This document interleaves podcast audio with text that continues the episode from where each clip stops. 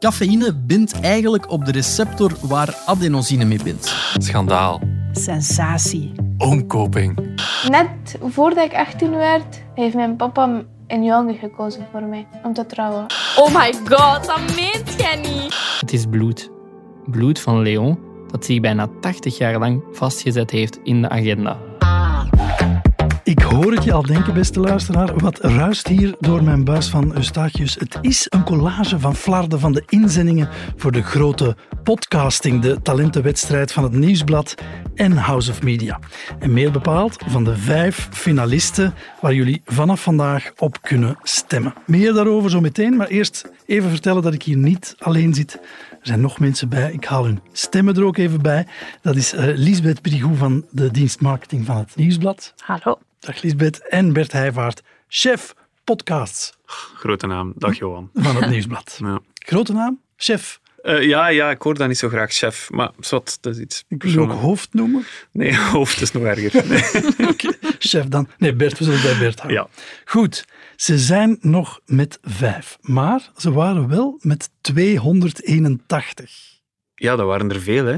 Er zijn er uiteindelijk, vooral in de laatste week, nog heel veel Ja. bijgekomen, Elisabeth. Mensen die uh, last minute nog een inzending hebben doorgestuurd. Tegen de deadline aan. Zo. Tegen de deadline aan. Maar we waren wel aangenaam verrast van uh, het aantal uh, inschrijvingen. Ja, twee, dat is bijzonder veel. Als die allemaal vijf minuten hebben ingestuurd, spreken we dus over 1405 minuten podcast. Hè? Heb je dat zo onze snel jury. uitgerekend? Ja, ja, heel snel uitgerekend. Als je dat allemaal achter elkaar legt, die 1405 minuten, dan krijg je dus een volledig etmaal. Het is bijna 24 uur luisterplezier. Om maar te zeggen, de jury heeft zijn werk gehad. Inderdaad, ik ben blij dat ik er niet uh, ze allemaal heb moeten beluisteren. Maar onze jury heeft dat prima gedaan. Het was een jury met onder andere onze hoofdredacteur Lisbeth van Impe.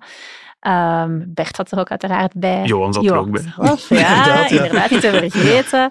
Ook Andries Bekkers, um, Eva Moeraert. Allee, aantal echt wel grote gevestigde namen in onze podcastlandschap. En uh, zij zijn eigenlijk door de volledige lijst gegaan en ja. hebben dan gekeken naar originaliteit, naar de authenticiteit van de host, um, naar de haalbaarheid van het uh, concept, wat ook wel voor ons natuurlijk een belangrijke was. Ja. En hebben zo eigenlijk een, een voorkeuren aan ons doorgegeven. We hebben ze eigenlijk gequoteerd op verschillende criteria. Dus die selectie is gebeurd door de jury. Ja. En die vijf die kregen dan het bericht, hoera, je bent erbij. Mm -hmm. Wat betekende dat precies voor hen? Ze zijn eind juni uh, een eerste keer uh, samengekomen op een soort van kick-off dag. Dat was uh, in samenwerking met House of Media. En daar hebben zij eigenlijk, zijn zij ondergedompeld geweest in het bad van de podcastwereld. Ze hebben een aantal workshops gekregen rond storytelling, rond audio, rond het, echt het, het productieaspect. Het was een intense dag, denk ik. Ja, werd, dat is heel grappig om dan zo al die hoofden te zien die vol vragen zitten van oei oei oei, moet ik hier aan beginnen? Waar en ze zijn krijgen... we nu beland? Ja, ja, ja, voilà. Je, je hoorde hun hersenen echt letterlijk kraken. Kraken op het einde van de dag. Dus interessant voor een podcast ja, natuurlijk. En vooral de lichte paniek in de ogen om te Ja. zien. Dat was, wel, dat was wel tof. Waren ze blij verrast? Of, of, of, of had je, of zijn het mensen die zoiets hadden van... Dit verdienen we wel. er waren er die hier zaten met een gezonde dosis uh, zelfvertrouwen, ja. Maar, um, maar ja, ik denk dat ze allemaal wel blij verrast waren. Het is natuurlijk iets anders om vijf minuten een podcast te maken en dat in te zenden en dan direct naar die volledige aflevering te gaan. Dus ze hebben dat niet alleen gedaan. We hebben ook nog een feedbackronde georganiseerd op basis van het, uh, van het script. En ze hebben ook een buddy gekregen. En dat is eigenlijk iemand van House of Media die hen begeleid heeft, die een montage heeft gedaan. En dan kwamen ze deze week tot ja, het eindresultaat eigenlijk. Ja, dat eindresultaat hebben we binnen. Mhm. Mm -hmm. Er mag nu niks meer veranderen aan, nee. uh, aan die momenten. Ik stel voor, ja, de bereidingstijd van die mensen is op, dus uh, ze hebben genoeg in hun podcast kunnen roeren. We gaan eens proeven, hè? We gaan eens proeven, ja. Oké. Okay. De eerste finalist heet William Brik. En dat uh, zijn Arthur en Sien Joos, broer en zus, die samen in het verleden van hun grootvader zijn gedoken. Willy Geers, beroepswielrenner in de jaren 50. En die hen met een toch wel heel bijzonder verhaal heeft achtergelaten, zeg maar. Ja. He, Willy zou ooit omgekocht zijn geweest door de legendarische Flandriaan Brik Schotten en zou dat geld nooit gezien hebben. Gaan eens luisteren. 6 september 1953. Het is half zeven s morgens. In het West-Vlaamse Houthulst knoopt een jonge man zijn blauwe stofjas dicht en hij vertrekt op melkronde. Het is half zeven 's morgens. In Kortrijk zet een man koffie en hij buigt zich over twee dikke sneden rozijnenbrood. En nog voor de avond valt, zullen zich tussen de twee mannen onfrisse praktijken afspelen. Schandaal. Sensatie. Omkoping. Of niet? Tja, dat is net de vraag. Willy en Briek. Een podcast van Sien en Arthur Joos.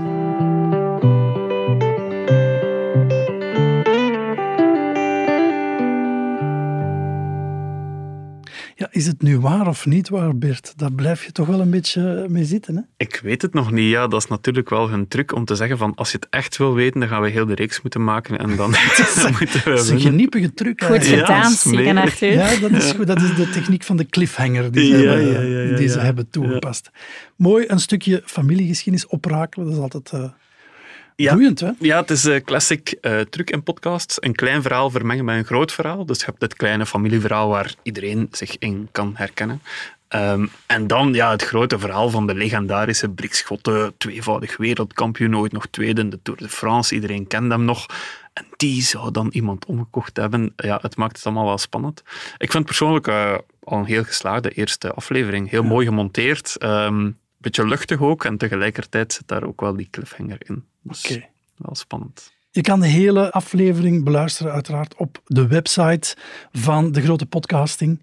eh, als je straks je stem wil gaan uitbrengen. Maar wij gaan naar een volgende fragmentje. En dat is een fragment uit de aflevering Voor de Eer, gemaakt door Debbie, die het verhaal vertelt van een jonge Afghaanse vrouw die eh, het juk van de Afghaanse familie eer van zich af wilt gooien. Het is een dramatisch verhaal. Ze ontsnapt uit schrik voor haar eigen familie. Het werd niet beter. Dan was de situatie van thuis nog erger. Toen begon de miserie pas echt.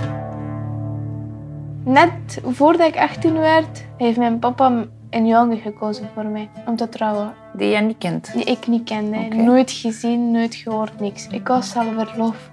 Tot op het punt dat Dunja begon te vrezen voor haar eigen leven. kan in één avond veel dingen gebeuren. Hè? Daarom was ik zoveel bang. Heeft mij veel geslaan en echt niet normaal. Dus daarom dacht ik, dat kan hij ook doen. Voor de eer kan hij alles doen. Oeh, dit is wel een eh, pittig verhaal, denk ik. Eh, ja, ja, ja, dat is iets eh, heel anders. Het is een vrij heavy verhaal eigenlijk, eh, maar wel een zeer relevant. Ehm, het is het verhaal van Dunja. Dat is het meisje dat we zo net hoorden. En Dunja is geboren in Kabul in Afghanistan, maar uiteindelijk is hier in België terechtgekomen. Nu, Dunja is eigenlijk heel haar leven al op de vlucht voor haar eigen familie. Ehm, het is zo dat haar familie haar wil uithuwelijken. Zij wil dat niet. Zij wil een leven waarin ze ja, de liefde van haar leven wilt. Maar dat ligt natuurlijk niet zo evident eh, in de Afghaanse gemeenschap. En eh, op een bepaald moment vlucht ze zelfs voor haar eigen vader, omdat ze echt bang is van hem. Omdat ze denkt van, ik kan me hier echt iets aandoen. Hij slaat haar ook. En ze denkt, ja, op een bepaald moment kan het echt eh, levensbedreigend worden. Dus ze vlucht. En ze bouwt een heel nieuw leven op hier in België. Maar ehm, ja, dat is natuurlijk met de nodige valkuilen. Ehm, het is een heel moedig verhaal. Ook een verhaal waarvan je denkt, ja, oké, dat je dat doet is al heel moedig, maar dat je dan ook nog eens dat vertelt in een podcast, eh, is nog een extra factor natuurlijk. Want eh, ja, ze komt er echt wel vooruit en ze vindt zelf van, oké, dit verhaal moet eigenlijk verteld worden. En ik Ehm, vertel erover. Ja, voilà. Oké, dan gaan we naar de derde finalist. Dat is Leon in het spoor van de Brigade. Alweer een geschiedenispodcast. Ja, klopt. Waarin Janis een oorlogsverhaal vertelt eh, over zijn overgrootvader Leon. Die een van de 2500 vrijwillige soldaten was die zich hadden aangemeld om te gaan vechten bij de Brigade Piron. En die brigade, dat is een Belgische infanteriebrigade die zich eh, tijdens de Tweede Wereldoorlog in het Verenigd Koninkrijk heeft opgericht en die een belangrijke rol heeft gespeeld bij de bevrijding van België. We gaan luisteren naar een stukje waarin Janis in de spullen van zijn overgrootvader iets heel bijzonders ontdekt. De zakagenda? Oké. Dat is, is wel... ehm direct een idee, hè? Dat er... Die lijkt een mooie waar te zijn. Het is precies geanceneerd, hè? Ja. Want het is echt... In de enveloppe zit een zakagenda. Niet groter dan een kleine smartphone, met een bruine leren cover waar Diary 1942 ingedrukt staat. En wat meteen opvalt is de rechteronderhoek. Daar zit namelijk een gat. Een gat met de grootte van een balpen, maar zo dicht bij de rand van de hoek dat de cover enkel nog met kleine flardes vasthangt. De sterkte van de agenda neemt pagina per pagina af en sommige bladzijden blijken donkerrood en plakken stevig aan elkaar vast. Het is bloed. Bloed van Leon dat zich bijna 80 jaar lang vastgezet heeft in de agenda. Als je de zakagenda zag die doorboord was met bloedvlekken op, ja, ja dat ligt niet, hè. Dan zie je wat er gebeurd is. Of het nu bloed is of toch gewoon de kaft, de agenda spreekt voor zich. Ze is aan flarden geschoten en ze was getuige van iets indrukwekkend. Maar wat is er toen met Leon gebeurd? Een boekje met een kogelgat in, dat is thrillermateriaal eerste klas eigenlijk. Ja, dat is waar. En hij heeft het mij ook getoond, want ik heb het al gezegd, we hebben een feedbackmoment gehad. En uh, op het moment dat hij feedback vroeg over zijn script, zei hij, ja, hier, ik ga het eens bovenhalen. Dus ik heb, ik heb het ook gezien. En het is wel echt een intrigerend voorwerp. Ja. Het zit daar een kogelgat in. En een volledig je... gat. Het is niet dat de kogel gestopt is ergens halverwege. Dat kan ik me niet meer herinneren, Johan. Maar Oh, in elk ja. geval, het, was, alles het over- er En met bloed, hè? Met bloed aan. Ja. Ja, Ah, ja, ja, ja, ja, ja. Ze kunnen nog DNA-onderzoek doen. Ja. het zal zijn eigen overgrootvader wel zijn. Dat is voor de tweede reeks dan. Ja. Was het hem wel. In elk geval, ja, het is wel inderdaad gewoon een interessant verhaal. hè. Het is een oorlogsverhaal, dat werkt altijd in podcast, dat weten we. En Janis heeft natuurlijk ook zijn eigen familiegeschiedenis daarin verwerkt. Het feit dat hij al dat materiaal heeft, eh, ook een plakkaat dat hij nog terugvindt uit een oorlog, uit een tijd van zijn overgrootvader, zorgt er echt wel voor dat dat volledig tot leven komt. Dat het niet zo een verhaal is van 80 jaar geleden. Nee, nee, nee. Je beleeft het eigenlijk Er wel. is nog veel om over te spreken. Ja, inderdaad. Ja. Gaan we naar de vierde finalist en die heet Clueless. En Clueless is een podcast van drie studentes die een soort jongerenmagazine willen maken, zeg maar. Het bestaat uit verschillende rubrieken. Eh, er zit showbiz-nieuws in, er zit eh, de laatste TikTok-trends in, eh allerhande tips en tricks. Iets voor jou eigenlijk, Johan. Eigenlijk echt, echt recht in de roos, wat mijn interesses betreft. Een antwoord ook op al je liefdes, vriendschaps en seksvragen. Ja, dat laatste interesseert me toch een beetje. Oh my god, heb je dat gehoord? Huh? Nee, wat? Vertel. Oh my god, dat meent jij niet. Clueless! De tweede vraag. 17 jaar, anoniem, stuurt. Ik struggle al een tijdje met mijn mentale gezondheid en ik durf het tegen niemand te zeggen. Hoe kan ik dit het beste aanpakken?